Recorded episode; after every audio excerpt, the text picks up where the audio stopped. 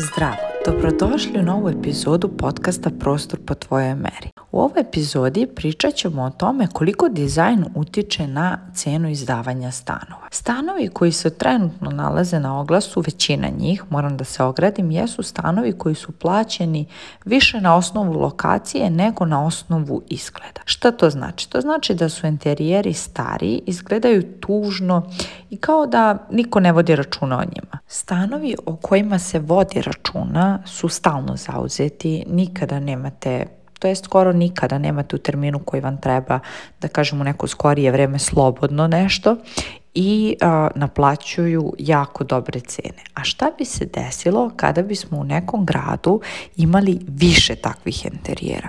I kakvi su zapravo ti interijeri? Šta vi morate da uradite da bi dobili takav interijer? Ljudi koji iznajmljuju stanove treba da uživaju u njima i da plaćaju to uživanje. Znači ne samo da prespavaju, da ostave stvari ili ako se izdaje na neki duži vremenski period čisto da borave tu i da izađu i da to bude to. Ne. Tvoj stan ako ga izdeš na primjer, na dan.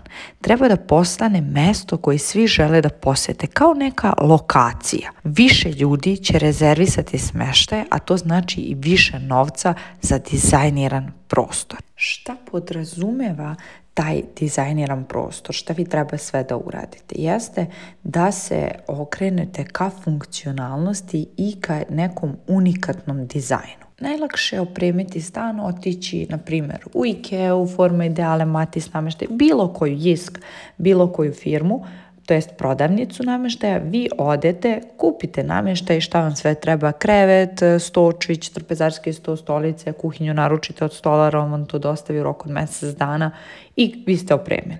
Ali šta vas izdvaja u odnosu na me, Miku, Peru, Žiku, izvinjavam se, bilo kog drugog stanodavca? Da li je to lokacija? Pa dobro, možda će lokacija biti prvi, drugi, treći, peti put.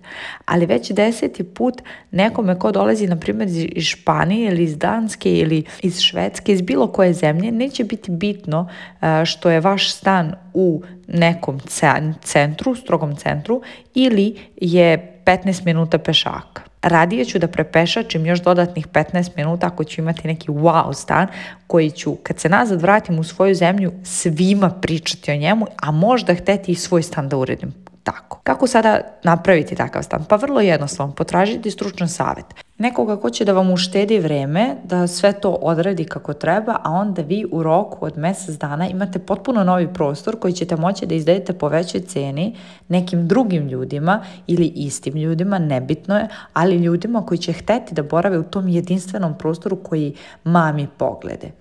Kakav je to jedinstven prostor koji mami poglede? Pa to je prostor koji u sebi ima jedinstven stil, znači to je uglavnom mešavina više stilova, nikada to neće biti baš tačno samo jedan stil koji je jako funkcionalan i kojem je funkcionalnost na prvom mestu da kada gost dođe on može tu da se osjeća kao kod kuće.